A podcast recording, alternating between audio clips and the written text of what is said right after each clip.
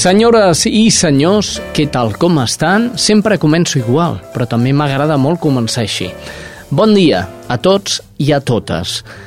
Bon dia, Teresa. Bon dia a tothom. Bon dia, Gladys. Buenos días. Uy, ¿cómo estás? ¿Cómo estamos? ¿Cómo el informativo ya? Muy bien, muy trabajado, muy elaborado. Eh, penseu que la Gladys és una de les persones voluntàries de Creu Roja que realitza un informatiu amb col·laboració d'altres voluntaris, l'informatiu de Creu Roja que emetem aquí a l'Espai Vital. Avui no ve fer l'informatiu, avui ha vingut a visitar-nos, cosa que a nosaltres ens agrada molt. Gladys, eh, luego creo que tienes algo que decirnos, luego nos lo dices. Senyors, comencem. Estàs escoltant Espai Vital.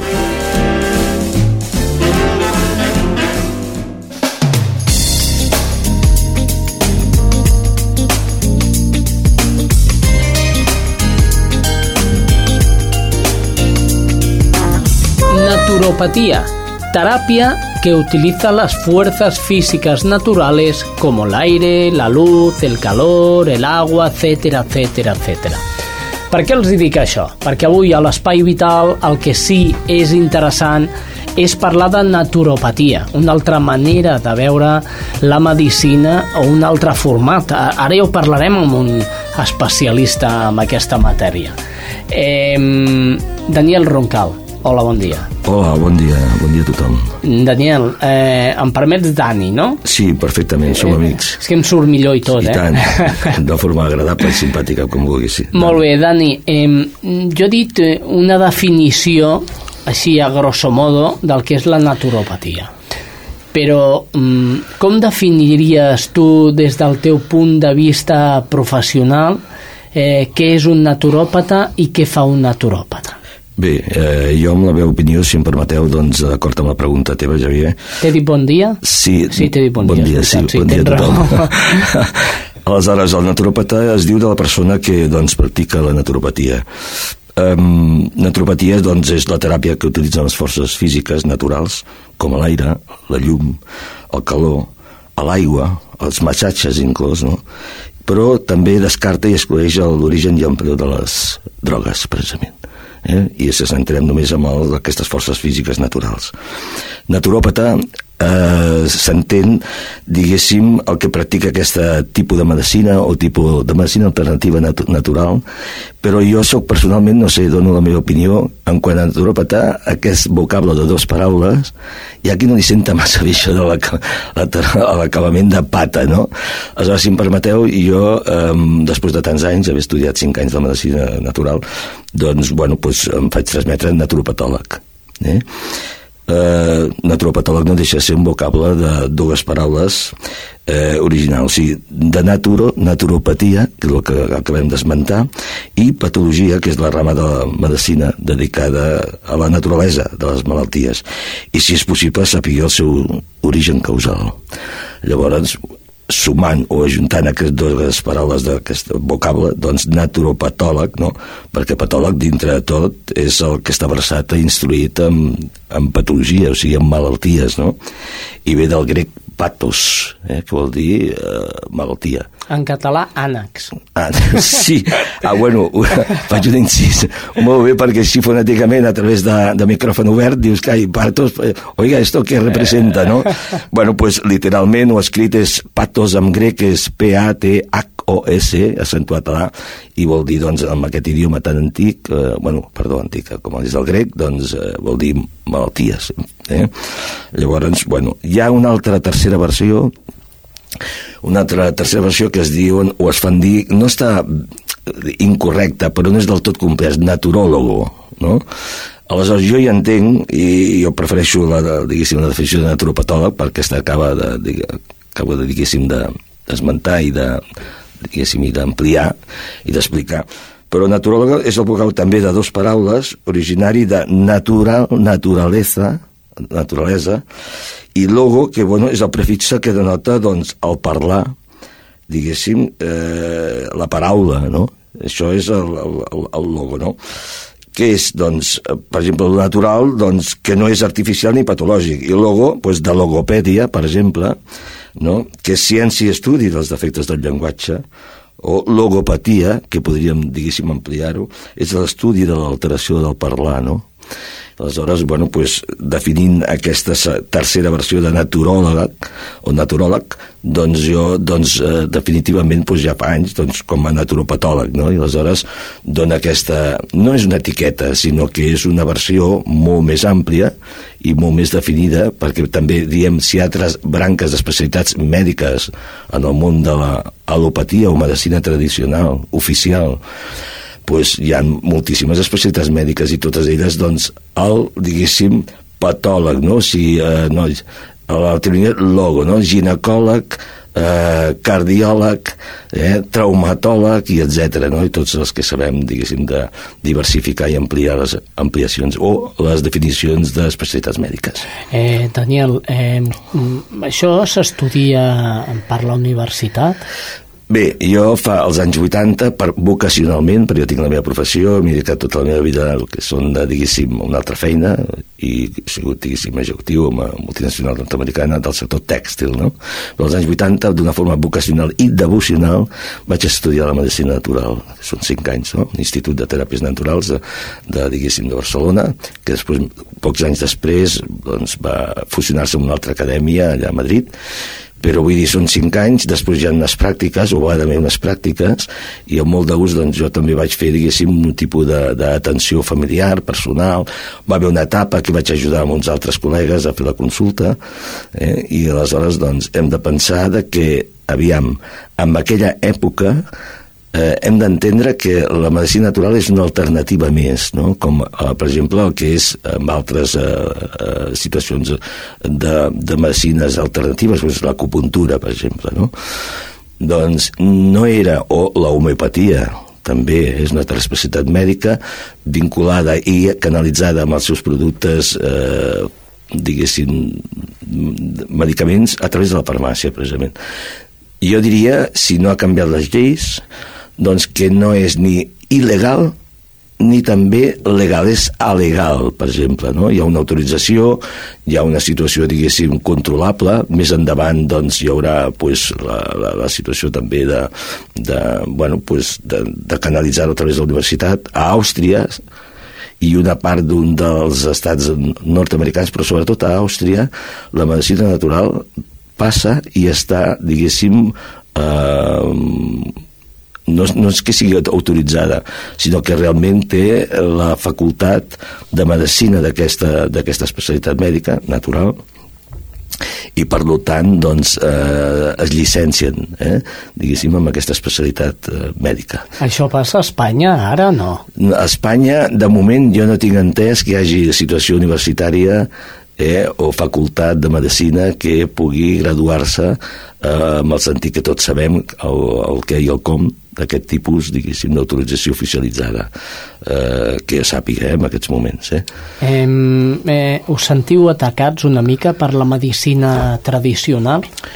Jo no diria la paraula atacat, Javier, sinó més aviat, bueno, pues, poder compartir un espai i un temps a l'atenció, diguéssim, del públic en general i sobretot a les persones que pateixen malalties. Perquè, perdona, perdona que sí. t'interrompi, quina diferència hi ha entre medicina tradicional la química de tota la vida i la, natura, i la natural, la naturopatia. I, sí, jo diria, Javier, que la química, la, la medicina tradicional alopàtica és la que oficialment està constatada i, per tant, està dintre d'uns codis i unes normes i unes lleis.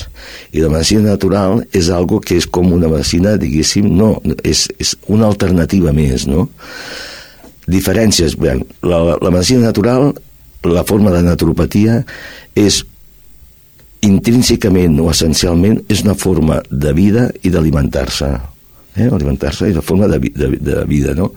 llavors si això eh, doncs eh, constatem la part de medicaments que estan autoritzats via, doncs, eh, bueno, estan al públic en general, canalitzats a través de dietètiques, eh, a través de farmàcies, també, eh, com la homeopatia, és que la medicina natural i els seus medicaments, que per cert ja fa anys que estan en presentacions molt modernes, en forma de comprimits, d'extractes, de, diguéssim, de, bueno, xarops, eh, d'oligoelements, Eh, la diferència, diria, entre cometes, és que tu aquesta forma de vida, d'alimentar-te i de curar-te, seria mitjançant doncs, utilitzar aquests, eh, jo no diria fàrmacs, sinó medicaments naturals, en els quals els seus extractes, mm, sobretot, sobretot, és de tres, de tres components, no? o sigui, la fitologia, que és de les plantes, eh, aleshores eh, està la part, diguéssim, de, bueno, dels vegetals, també, eh, de tots ells, eh?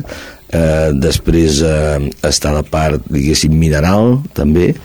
Inclús és curiós que si ens anem a la branca homeopàtica o homeopatia, inclús hi ha els tractes i concentracions eh, diluïdes de part dels animals, no? Però jo em centro en la fitologia o fitoteràpia, que són intrínsecament aliviar malalties, inclús curar-les a través de les plantes. Llavors, això té un cost, evidentment, frent a el que és la farmacologia o farmacopea, que empara i té el gran ampli ventall de lo que són els medicaments a través de canalitzats a través de farmàcia, doncs eh, la que és la part naturopatia o fitologia doncs és un procés d'alivio i de curació frent a algunes malalties, moltes d'elles inclús, no algunes jo diria, corregeixo, moltes, d'una forma molt més, eh, com alguns diuen, més ralentitzada, no? menys agressiva, és menys agressiva, per tant és quasi bé com aquell diu, més a poc a poc, no? Per què? Perquè es, se senta sobre la base d'una forma d'alimentar-te, de viure i de curar-te. No rivalitzem. Jo diria la paraula, per exemple, rivalitzar, si m'ho permeteu, no? Sinó més aviat, més aviat eh, col·laborem, en certa manera pot ser competitiva, pues sí, però també us diré que hi ha diverses situacions determinants que són mixtes, és dir, que tu pots curar i aliviar la teva malaltia mitjans la naturopatia i a través dels medicaments eh, de plantes, centrem en això, eh, i mixta vol dir que pots combinar-ho doncs, amb el fàrmac que tu doncs, t'hagi receptat el teu metge. Fem un exemple pràctic. Si jo tinc un pacient, un amic, que realment doncs, té un excés de colesterol, que és un factor, diguéssim, molt, molt important i greujós de risc de, diguéssim, d'accidents vasculars, doncs jo li recomanaré una sèrie de, de tractaments naturals. Però mitjançant li diré que també faci una revisió amb el seu metge, que aquest doncs, donarà opció, si ell ho creu convenient, una analítica per fer un controls eh, i, i mitjans dels valors. No pot, encara que sigui una persona, no sé, doncs, eh, de qualsevol edat. No? Normalment, a mesura que fas gran, aquests valors de líquids corporals, com es diu en analítica i en, i en la medicina, van alterant-se, no? Eh, vull dir, oiga, que yo usted, oiga, doctor, per exemple, no? fem ara una, una mica un sketch simpàtic, oiga, doctor, yo no he tenido nunca colesterol, oiga, señor Antonio, ¿y usted qué edad tiene? Ahora, dígame su... Hombre, tengo 81. Bueno, pues mire, le ha, le ha, le ha subido usted el colesterol según la analítica que yo le he solicitado a partir de los 81. Ha, ha estado usted 80 años prácticamente sin tener colesterol. Lo tendremos que vigilar sobre la dieta, eh, la alimentación, el ejercicio i luego pues, si conviene pues, una medicació. Aquesta medicació, si ho tratem, ho transportem, diguéssim, amb el món de la naturopatia, pues, també hi ha, eh, diguéssim, medicaments naturals per combatre'ls. Eh? Daniel, eh, jo, jo m'estic centrant en el que m'estàs dient sí. i, i em, sembla, em sembla que totes les malalties poden ser tractades amb naturopatia. Eh, eh, parlo molt per parlar, eh? perquè vull dir, ara potser em diràs, pues no, o sí, sí, tens molta raó. Però a mi em sembla que eh, els naturòpates és com un quiero i no puedo. No sé si m'entens. Sí, perfectament. Vull dir... Lo... És a dir, per què un tio que té esclerosis múltiple, ¿vale? no li diuen, no, tómate tres, tres hojas de la planta esta, te las machacas te lo bebes en infusión y curado. No, eh, hem de ser realistes i tampoc no, diguéssim, donar a entendre que tot lo puede. No hi ha cap, cap medicina, cap, absolutament, eh, i sóc un home convençut, per haver estudiat medicina també, doncs que hi hagi una curació de decir, esta, esta especialidad médica o este medicamento és un 100% curatiu, un cura de tot. No, siguem realistes. Anem a veure, si ara mateix hi ha una persona que té una caiguda i es fractura un fèmur, o una cadera, o un accident de moto, i té unes ferides, diguéssim, de tipus, doncs, bueno, pues, eh, de, de pronòstic reservat o inclús greujós, doncs haurem de tindre la necessitat de socórrer i portar-lo a urgències de qualsevol hospital. Allí no és vàlid cap fórmula de dir, oigame, és que un analgésico, és que tal... No, no, escolta'm, és que tindrà la necessitat inclús no solament terapèutica, sinó d'urgència quirúrgica, quiròfanos, i per tant allà s'imposa, lògicament, per la investigació i per la imposició de la nostra bona medicina també, lògicament, alopàtica oficialitzada. No? Ara, hi han d'altres malalties que són, diguéssim, sigui adquirides o siguin genètiques, que puguin ser millorades amb un tractament de medicina natural. Millorades? Que, eh? Sí, que poden millorar i poden curar-se. Jo diria, fixa't tu, hi ha diverses, diverses aplicacions de teràpies, eh? Hi ha, jo, bueno, jo diria que 9 o 10 n'hi ha, eh? Anem a, anem a fer un altre exemple pràctic. Una persona té, doncs, amb la, la part, diguéssim, de la fosa ilíaca i, i el abdominal baix eh, de la part dreta. Eh, I en paraules per al pueblo llano? Sí, bueno, pues vamos a ver. sí, el simpàtic del Javier, tens raó. Anem a veure, per al pueblo llano, dir tinc un, tinc un dolor aquí al marge dret i per unes proves es diagnostica una, diguéssim, apendicitis. Mm -hmm. bueno, doncs no li haguem a donar un calmant natural perquè aquella apendicitis ens està dient que greujosament es pot convertir en una peritonitis i allò requereix una urgència d'entrada ràpida i, i cirurgia, o sigui, quiròfanos. Eh? I un cop, doncs, eh, extirpat aquest apèndix que anava a degenerar amb una, aquesta apendicitis, degenerar amb una, diguéssim, eh, perforació del budell, el qual pot significar inclús bueno, pues, eh, una gravetat extrema de que si se'n descuiden segons la pressa o la tardança d'intervindre pugui causar la mort al pacient. No? Doncs, bueno, no vingui aquí la, la, la, la medicina natural. A posteriori, el postoperatori, aquells dolors, aquells massatges que li podem donar perquè cicatritzi més ràpid, el caminar i tal, llavors sí que podem associar i afegir el que són les tècniques i teràpies naturals. Per això he dit fa un moment que pot ser una combinació mixta de les dues tècniques. Jo diria, no m'atreveixo ni tampoc ho accepto que siguin rivals, es, es poden complementar. Pensem que hi ha molts metges graduats graduats en medicina alopàtica que practiquen la medicina natural. El doctor Ferrandis, el doctor Ferrandis tan famós, doncs va ser precisament utilitzant una tècnica que va ser descoberta en 1836 per un húngaro, un nen que tenia 10 anys, que després va ser el doctor, diguéssim, eh, Ignaz von Pezeli, la tècnica, diguéssim, de descobrir malalties a través de l'estudi de l'iris dels ulls bueno, doncs, a través del iridòleg, o sigui, l'iroscopi, perdó, doncs estudies els iris, eh? jo aquesta formació també la vaig tindre, i es pot, eh, diguéssim, eh, aplicar i, i practicar, no? Què s'hi veu aquí? L'iris és un mapa gràfic del ser humà i dels animals, també els mamífers, sobretot, no? Mm. Però em centro amb, els, amb les persones i va ser descobert per aquest eh, nano que jugant amb el seu jardí, és que és una història real, autèntica, no? Jugant amb el seu jardí aquest nen de 10 anys, hongre, doncs eh, va descobrir amb un buo, una, una, un, un au, diguéssim, de bosc, però que ell tenia mig domesticat, que en un moment donat d'escapar-se, de, doncs el va atrapar i involuntàriament es va fracturar una pota. Ell tenia molta afició, en diguéssim, i en, perquè, esclar, és, és un, un au, el, el mussol, el buo, mussol, doncs que té aquests ulls de pantalla tan grans i tan, tan penetrants a la seva mirada, no? I automàticament, després d'haver-se-li trencat la pota amb aquest animal, jugant amb les seves mans aquest nen, doncs va observar que li sortia una taca amb un dels iris, era la pota dreta i era l'iris dret de l'animal.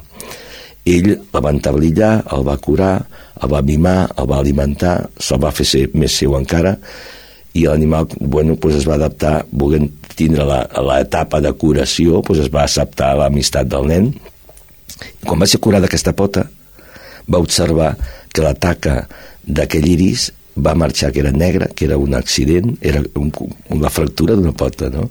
Doncs va quedar blanca, grisosa, i es va diluir i va marxar.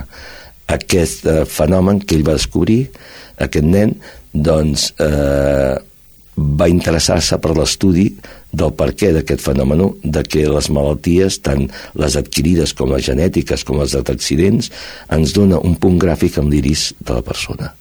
Què vull dir amb això? Bueno, doncs que és un instrument més de treball que amb la medicina alopàtica doncs, no es dona, en aquest cas amb naturopatia sí. Eh? O sigui, la, la iriodiagnosis, el metge o el doctor Ferrandis, català, molts anys enrere, va ser un gran promotor i expansionista i estudiós d'aquesta forma de treball en medicina natural i hi ha uns tractats de llibres, i el cas dels tinc, no? I a vegades de tant en tant tinc que repassar perquè sóc una mica despistat i desmemoriat, Xavier. Però són instruments, aviam, torno a repetir, no rivalitzar, sinó complementàriament com ajudant, com a suport d'altres medicines. Si estem aquí, a Occident, lògicament, i la que s'imposa per llei i per amplitud i pels seus grans èxits, només faltaria, no? Doncs és la medicina alopàtica tradicional oficialitzada. Llavors, les altres medicines alternatives, entre elles naturopatia, doncs pot ser complementàriament un ajut eh, i, i el servei del pacient. És que quin és l'objectiu? Doncs l'objectiu és, és eh, les persones, el ser humà, el, el curar-los. Permetem que va haver un metge molt, molt, molt eh, del segle XIX, un metge alemany, crec que la seva especialitat era traumatologia, i els hi deia als seus pacients, a veure, en quant a la medicina és curar alguna vegada, tenia tres punts eh, que els hi deia als seus pacients, curar alguna vegada, aliviar sovint i consolar o consolar sempre Eh? O sigui, no ens ho hem de, de, de, de dir, oh, aquell senyor ho sap tot, o, o, o, o soluciona... No, no, no, no. O sigui, cada cosa en el seu moment, i torno a repetir, Javier, doncs, naturopatia, medicina natural, eh? Que jo diria de diverses eh, aplicacions i teràpies... Però que em sembla que no tenim temps, ja la, per la ràdio, tu saps que el temps és... Oh, és, oh perdó. oh. Llavors... No em eh, cansaria de, de, de parlar amb vosaltres i, diguéssim, transmetre aquests coneixements i després hi ha en una altra ocasió preguntes a micròfon obert o consulta, no sé, molt de gust. Estic a la vostra disposició. Daniel, qui, com es poden posar en contacte amb tu? Doncs, bueno, podeu trucar al telèfon del meu despatx i al mòbil, dos telèfons, soc d'aquí de Cerdanyola. Doncs apuntem-los, diguem-los, no? Sí, doncs mira, amb el meu despatx, doncs el 93 692 11 38. Repeteixo per aquells que estiguin despistadets. 93 692 11 38. I ara el meu mòbil, per als eh, alejados, el que sigui, ho puc deixar un missatge, doncs permeteu-me que jo tinc sentit de l'humor i, ojo, repeteixo, el sentit de l'humor és terapèutic. Inclús hi ha casos puntuals que són curatius, eh? Llavors, el mòbil, doncs, 679 242 145 repeteixo, 679-242-145. En teniu a la vostra disposició, el meu nom és Daniel Roncal, estic aquí a Cerdanyola, eh, quasi bé sóc fill adoptiu, sóc de Barcelona, però fa molts anys que estic aquí. A... Doncs Daniel Roncal, eh, naturòpata de professió. Sí. Moltíssimes gràcies per, a, per haver estat aquí al, a l'Espai Vital. I repeteixo, l'Espai Vital és sempre un programa que mira a l'optimisme, Exacte, mira cap molt bé, molt Vull dir que també pot servir tu. Eh? Sí, sí, exacte. Per tirar endavant, també. Tirar endavant, sí. Eh, el proper dia ja et demanaré una recepta. Bueno, eh? molt de gust, eh, la recepta que tu queres, i simpàticament mm, te la, te la regalo, eh? vull dir, no hi ha cap interès econòmic, sinó eh, bueno, pues, a, a expansionar i a informar i aleshores doncs, aclarir segons quins conceptes de fondo que hem començat amb aquest espai vital, el que és la medicina natural, en forma de naturopatia o com a professional naturopatòleg. Doncs moltíssimes gràcies. Gràcies a vosaltres, Xavier, i bueno, pues que el vostre, diguéssim, espai sigui difundit per tot arreu eh? i a l'espera de notícies vostres. Moltes gràcies, molt amables.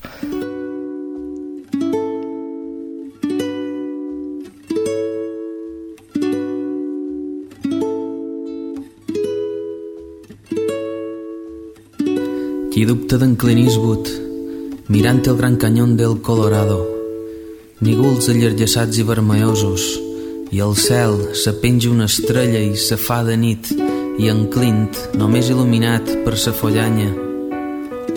S'encén puret i guarda un secret i llisa un coniet a la llauna. S'adorm, somia, trens i mercaderia en indis xeients damunt una colina a sa llum de sa lluna. Se desvela, s'aixeca, orina i no té son i pensa Ballerada western, cabrons, ja veureu quan s'inventin el cinema. Escura, adesa, i tira per la carretera, ja podem veure. I un home tot sol no sempre s'abasta. Qui dubta avui en dia d'en Clint Eastwood? I un home tot sol s'atuda i se trança qui dubta avui en dia d'en Clint Eastwood? Arriba, dos homes se li traten i l'investiguen. Volen saber on és en Morgan Freeman, és el negre de Million Dollar Baby. Do you know? Maybe. Dissimula, se'ls mira, desenfunda com un llamp i els liquida, escup i s'allallen sa seva vida sempre en el punt de mira del sèptim de cavalleria o de gringos forajidos o de xèrifs corruptes a cases de putes o de xinos drogaditos a Gran Torino i Clint, que vols, encara ets en el segle XIX fa un any que no te dutxes i això només són quatre jesutxes de mort.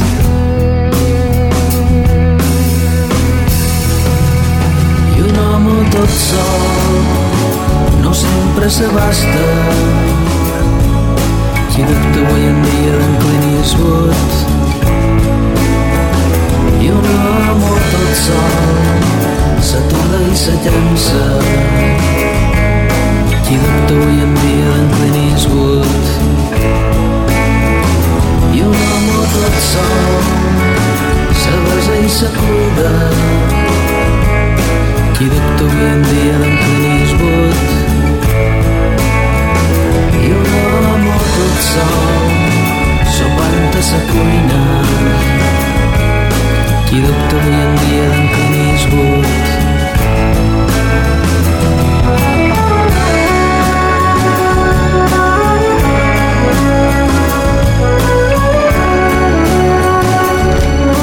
La música d'Antònia Font des del seu nou llarga durada Lamparetes i amb un tema eh, novedós, nou àlbum, nou tema i, i, i noves coses, no, Teresa? Doncs pues clar, Com per exemple el plat que ens portaràs avui. un plat per començar ja per Setmana Santa, un plat de, de peix. Un plat de peix per gaudir de la Setmana Santa. Això eh? mateix. Molt bé. Lluç al forn amb salsa d'ametlles. Això és un plat, al final del programa el donarem. Ara arriba el moment de que eh, Gladys, eh, una noia, una senyora de, de Creu Roja, que de fet és una de les components que fa l'informatiu de Creu Roja, com ens ha visitat, ens ha dit, tengo una cosita para deciros y que es muy bonita. Doncs Gladys, hola, Hola. ¿qué es lo que tienes que decirnos? Que Spy Vital se caracteriza por fomentar hábitos saludables y como ayer fue el Día Internacional de la Salud y la medicina más saludable es el estado de ánimo positivo. Por eso sonreír nos proporciona múltiples ventajas e inmuniza la depresión y la angustia. Y cuando tú sonríes, segregas una adrenalina, la cual potencia credibilidad y fortalece el sistema inmunológico. Por eso, te invito a escuchar Spy Vital, donde no habrá estrés ni soledad ni, y hallarás un, un armonioso espacio. Por eso, animémonos a buscar la solidaridad y la unidad en este mundo globalizado. Muy bien, pues això, Jordi, ens pot sentir, dic sentir, ens pot servir de promoció del programa Espai Vital. De hecho, ha resumido en pocas palabras lo que Espai Vital es. Gracias por tus palabras. Molt bé, doncs arribat a aquest eh, punt, Teresa, anem a fer una volta per pues va, agafa't a la cadira que t'hi porto. tot cap a- pel Vallès Occidental. Per on te sigui, va. Vinga, pues anem a fer una volta pel Vallès Occidental amb la nostra mm, roda de corresponsals. som -hi.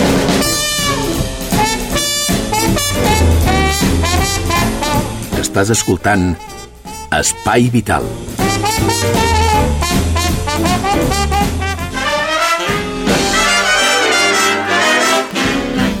Senyor, sintonia informativa, sintonia roda informativa. Anem a conèixer quines són les últimes novetats en quant a sanitat a les diferents poblacions que conformen Espai Vidal. Aquestes són Cerdanyola, Ripollet, Montcada, Barberà, Santa Perpètua i Sabadell. Comencem amb Cerdanyola. Allà es troba el cap d'informatius de Cerdanyola Ràdio. Ell és el Xavi Poza. Hola Xavi, una caminada saludable pels camins de natura del campus de la Universitat Autònoma de Barcelona és una de les nombroses activitats que s'han celebrat aquests últims dies a la UAB amb motiu dels Dies Mundials de l'Activitat Física i de la Salut.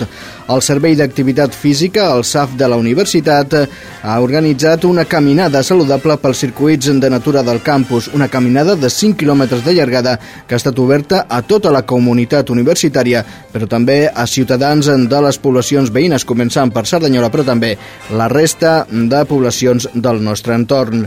Una iniciativa que ha format part del programa de salut de eh, la Fundació Autònoma Solidària també, que entre d'altres activitats ha organitzat aquests dies una masterclass de ciclisme en sala i la gincama que fas de festa, que ha abordat eh, temes de seguretat vial, alcohol i sexualitat. També hi ha hagut estants informatius sobre sexualitat i drogues i per promocionar la donació de sang. Al mateix temps s'ha celebrat un mercat de material esportiu i de muntanya de segona mà, una exhibició de botgia, esport per persones amb discapacitat reconegut com a esport paralímpic, l'exhibició castellera de la colla Ganàpies, un taller d'exercicis abdominals o les 25 hores d'esport de la Universitat Autònoma de Barcelona. Totes aquestes activitats han comptat amb la col·laboració de l'Ajuntament de Cerdanyola, de diferents entitats i col·lectius de la Universitat Autònoma i del rectorat de la pròpia Universitat Autònoma de Barcelona. Això és tot des de Cerdanyola Ràdio. Gràcies, Xavi Poza. Cerdanyola Ràdio, anem cap a Ripollet. A Ripollet Ràdio hi ha una responsable d'informatius. Ella es diu Laia Prats. Hola, Xavi. Avui des de Ripollet t'expliquem que el passat dimarts 5 d'abril es va dur a terme al Centre Cultural una xerrada sobre salut mental a càrrec del doctor Joan Alvarós Costa, psiquiatre coordinador del Parc Sanitari Sant Joan de Déu. La conferència es va realitzar en el marc de l'exposició Silencis forçats, les persones i els trastorns mentals, que es podrà veure fins al proper 8 de maig. El ponent va fer un repàs sobre la història dels tractaments i corrents teòriques sorgides al voltant dels diferents trastorns i també va desmentir els principals mites que giren entorn d'aquesta temàtica.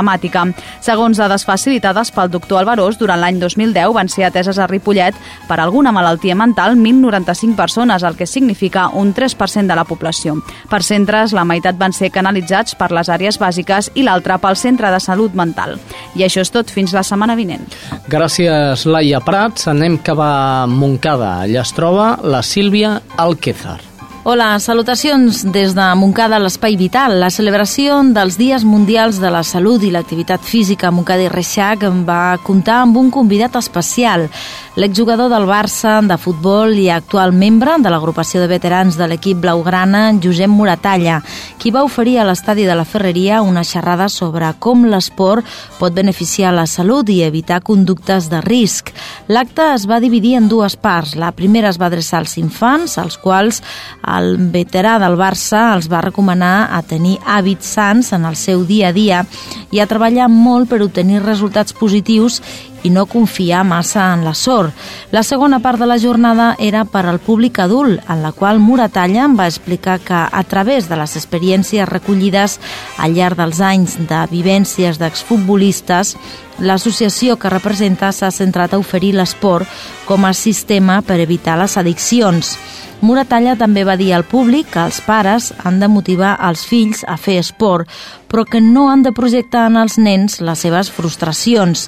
La xerrada va comptar també amb la presència de la infermera Cristina González de la Rúbia, que va parlar sobre la importància de l'esport per, per mantenir una bona forma física, per segregar hormones que comporten el benestar i com a eina d'integració social.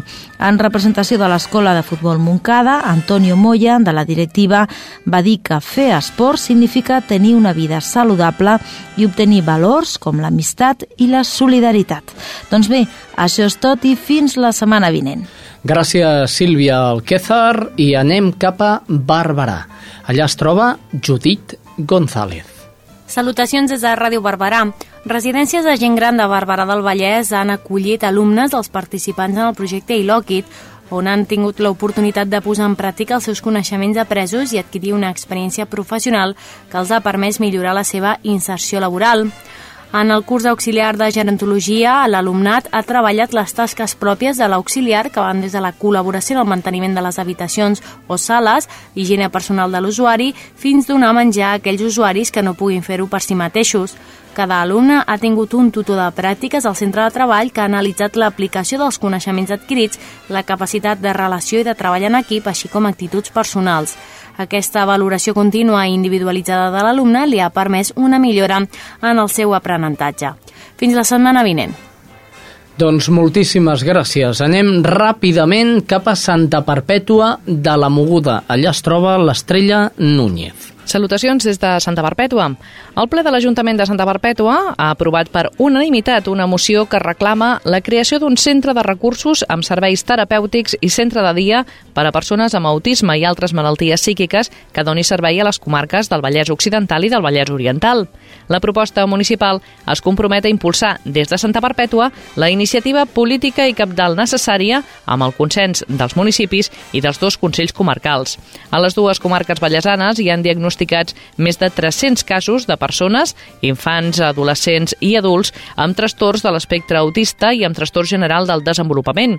El Consistori de Santa Barbètua creu necessari i imprescindible dotar dels recursos necessaris per a donar una qualitat de vida digna a les persones amb autisme i a les seves famílies i proposa la creació d'un centre de recursos al món de l'autisme, un servei terapèutic, un centre de dia i un servei d'habitatges dotacionals destinats a facilitar la convivència que garanteixi allotjament, manutenció i suport personal i social. La Corporació de Santa Perpètua ha aprovat per unanimitat una moció per a la creació d'un centre de recursos amb serveis terapèutics i centre de dia per a persones amb autisme i altres malalties psíquiques. Això és tot. Des de Ràdio Santa Perpètua us desitgem una bona setmana. Molt bé, moltíssimes gràcies, Estrella Núñez. Ja per últim, anem cap a Sabadell. Allà es troba la Karen Madrid, i aquesta és la seva crònica. Salutacions des de Sabadell. Els nens que han de passar una temporada llarga ingressats a l'Hospital de la Ciutat ja tenen una manera de passar-lo divertits.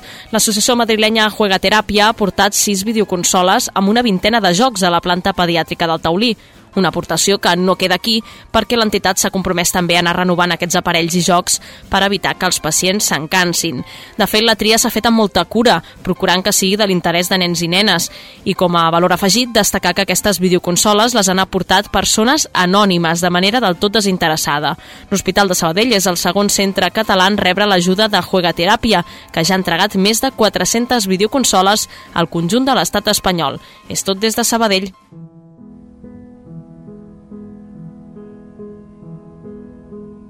Cada día, a la misma hora, comienza el ritual que pretende hacerme inmortal. Algunos lo llaman esperanza de vida, otros prefieren hablar de milagros. Yo creo que todo eso son cuentos y que es solo cuestión de suerte. Para mí la vida se resume en un montón de colores. La verde para el azúcar, la azul para la tensión, que la tengo por las nubes. La amarilla... ¿La amarilla para qué era? La del hierro. Pues sabe a azufre. Y la blanca. Esta es la más importante, la que tomo para ayudar a los que no tienen pastillas para curarse. Le digo a mi nieto que lo que me está curando es esta pastillita y él me mira como si estuviera loco y me dice, imposible. Pero eso es lo bueno de tener años, que uno puede creer ya en lo que le dé la gana.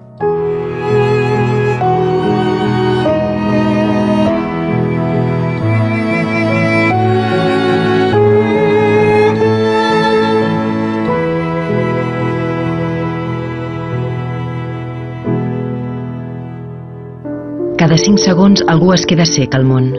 Cada minut, un nen. El 75% d'aquesta ceguesa es pot prevenir o curar. La Fundació Ulls del Món lluita contra la ceguesa evitable en territoris sense recursos. Ajuda'ns a fer arribar a més ulls el dret a la visió. Ulls del Món. Diuen que quan estàs a punt de morir, tota la vida et passa davant dels ulls.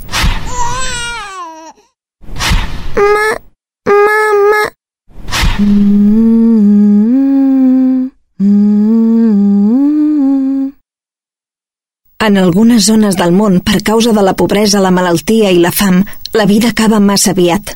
Col·labora amb Mans Unides al 902 40 07 07 o a mansunides.org. El seu demà és avui. Això és Espai Vital. I aquí estem compartint la taula d'Espai Vital amb la Gladys, la Teresa de Diviu i un servidor, el Xavi Casas. Sintonia cuina. Això què vol dir?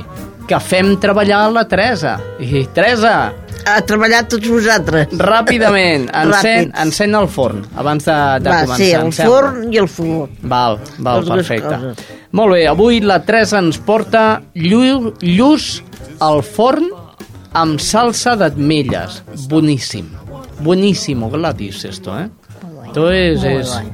Molt bé, eh, us dono els ingredients i deixem que la Teresa ens digui com els heu de fer i prepara-ho tot. Ingredients. 4 talls de llusc fresc o congelat. Depèn si teniu peles o no teniu peles o cadascú el que sigui, eh? El que sigui. 8 ametlles. Dos branquillons de julivert. Dos patates. Una ceba. Dos grans d'all. Dos llesques petites de pa. Un got de vi blanc, farina, oli d'oliva i sal. Ingredients per fer lluç al forn amb salsa d'ametlles. Anem per la preparació, Teresa. Preparem. Obrim el forn que es vagi escalfant. Posem una paella al foc. Allà la paella, pues, fregim els alls i les llesques de pa. Després, eh, Amb l'oli, eh? Amb l'oli. La paella amb l'oli, que si no surt fum, eh? sí, Sí. i allà hi fregim les patates. Les patates, si no les podeu tallar, amb una mandolina es poden fer llesques o, o arrotllant-les. I si no, mira, compreu-les congelades, així tallades primetes, com si fos per truita de patates. Mm -hmm. Les fregiu, però que no s'us cremin. Allò que quedin com aquelles patates que en diuen panadera. Sí. Mm -hmm. però les, les fregim, les traiem i les posem en una plata d'anar al forn. Ah. Les posem totes a, sota, a baix a la llauna. Després, enfarinem el lluç, li posem sal i l'enfarinem. És igual que sigui fresc o congelat? O... Sí, això és igual. És igual, no? Vale, vale. El, el salem, Sí. l'enfarinem i el fregim. Un minut per cada cantó, Ahà. i després el agafem amb una espàtula o unes pinces, el que vulgueu, i els posem a sobre les patates que heu deixat a la plata. Els posem. Això, això, mm, això de les patates, Sí. eh, a la part de baix de la, de la safata, sí. eh, això per què es fa? Això és un truc, oi? No sé, jo ho he llegit eh, tal com està la, la revista aquella, ho he llegit això. Vaja, hombre, jo ara... Jo, por, Sí, por bueno. jo, és perquè no, perquè no s'enganxi el peix, no? O sigui, personalment deu ser això. Deu ser això, sí. Pues, el posa allà. Molt bé. Després, però com hem fregit ja el lluç en aquell, en aquell oli i afegim la ceba. Si no la podeu ratllar, si sabeu que els congelats ha de congelada, agafeu pues, 150 grams, Mm -hmm. perquè és una ceba, pues, agafeu, i la sofregiu. Afegiu la ceba. Mentre fregiu la ceba, pues, agafeu el got de vi blanc, el poseu en el pot del túrmix, i allà hi poseu les ametlles, i poseu els dos grans d'all i la llesca de pa, que heu fregit. Ah. I ho passeu tot pel túrmix. I allò ho tireu eh, mentre es va fent el sofregit ja ho podeu tirar en el sofregit aquell de ceba. Ah, bueno, i, i dit també el julivert també, deixat. Ahà, Tirar el julivert i el trall i el passe i les ametlles. val. Tot picat i el vi. Tot picat, si queda massa espès, una miqueta d'aigua i tireu sí.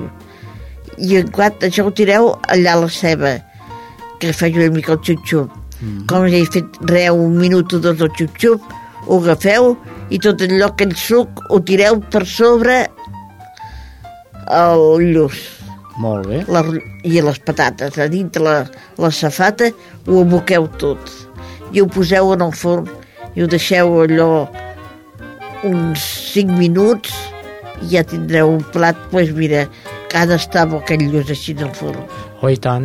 Eh, per cert, Teresa, ho fiquem al forn, sí, però no m'has dit a quan el fiquem al forn. al forn pues mira El posem pues, a dalt i a baix? Jo, jo ho posaria no només a baix sol, perquè si el forn està calent Sí. pues a baix sol Ah, val, val. perquè si no se'ns cremaria de sobre Que es vagi collint el peix a poc a poc. com i- que hi ha la- l'aigua i el vi, pues, a poc a poc. Ah. Ara, vull dir, a vegades has de fer posar-hi com una mica de plata per sobre la llauna, que es cogui només per sota i queda més... Més sucós. Més sucós. Sí, senyora. Perquè si no es crema per dalt i per baix. Molt bé, Teresa, eh, ens portes postres avui? Home, si hi ha temps dono postres també, també som tot per Setmana Santa. Tens dos minuts. Torrijas. Vinga. Torrijas. Torrijas. Ingredients. Un litre de llet. Un litro de llet. Uh, tres ous. Tres ous. Un rajolí de d'anís. Molt bé. I 200 grams de sucre. Vinga. Canyella. Mm, I em sembla que no m'he deixat res més. molt bé. Oli. Bueno, si oli per fregir. Ou. El pa. Pa. Pa, una barra de pa allà posa, tallat en llesques. Però jo sé que n'hi ha un que han de deien pa anglès per Sí. fer torrijas. Ahà. Això heu de demanar en el forn. Molt bé. I si és per tallar, que us ho tallen en llesques, perquè si no podeu tallar-ho, doncs us ho tallin. Molt bé. I ou? Ou? Sí, ja t'he dit dos ah, ou. ous. Val, val, val. Sí. Doncs vinga, som-hi. Preparació. Preparació. Agafem un litre de llet Sí. i posem els 200 grams de sucre, Mm -hmm. els dos ous. I posem sí, una miqueta de canyella. Uh -huh. I agafem el túrmix, el posem tot en el pot del túrmix. Ho passem pel túrmix i ho posem en un bol que sigui allò gros per posar-hi les llesques en remull allà. Mm -hmm. I posem les llesques allà que s'estovin. Uh -huh. Després, és clar perquè si ho agafes se't trencarà. Si en cas amb una espàtula o una cullera d'aquelles que són planes de fusta, Sí. ho agafeu i les aneu posant allò, quan hagin xupat la llet, Sí. les aneu posant a la, a la paella, que es vagin fregint per un cantó i per l'altre, que ja aconseguin allò una mica doradetes ja, doncs ja les podeu treure. Les poseu en un paper de cuina que es xupin una mica l'oli. Després ho poseu en una plata i poseu sucre i canyella per sobre i teniu les torrijas tan bones que són. I ole, ole, ole i ole la cuina de la Teresa diu que amb una sola mà, amb el cap i molta voluntat, ens ha fet avui eh, lluç al forn amb salsa d'ametlles i torrijas. Mm? Doncs molt bé, senyors, senyores, arriba el moment de marxar. Eh, Gladys, me voy a despedir de, de todo el mundo y especialmente de ti para que sigas trabajando en ese informativo que estáis elaborando, pero voy a hacerlo eh, dedicándote un tema de Pimpinela, que yo sé que te gusta mucho, y que te lo dedicamos en lo bueno y en lo malo, el tema de Pimpinela. Teresa de Viu, gràcies. Fins la setmana vinent. Vinga. La setmana vinent i tornem, no ens faltin. Muchas gracias. Tú naciste, yo apenas tenía seis años. Qué gran alegría, pronto tendría un hermano. Y llegaste tú a las nueve y diez, una mañana a fines de mayo. Fue aquella ilusión que como pude te tomé entre mis brazos, ya me había olvidado que quería un hermano. Cuando fui creciendo, buscaba estar a tu lado. Te sentía grande, aunque tenías diez años. Y detrás de ti empecé a andar por el camino que me ibas dejando. Y hoy de mi niñez a mi juventud tengo recuerdos que no se han borrado, que llevo conmigo.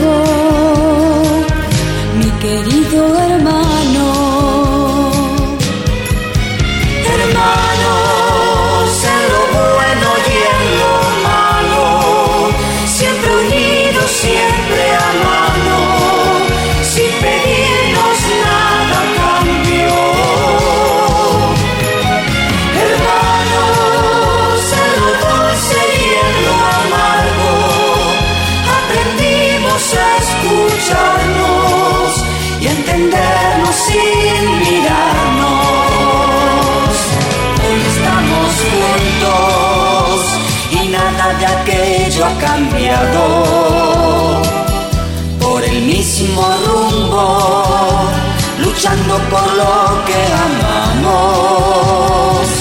Le agradezco a Dios el poder seguir a cada paso contando contigo, porque junto a ti aprende a vivir, siempre del lado mejor del camino, donde no hay espinas, porque estás conmigo.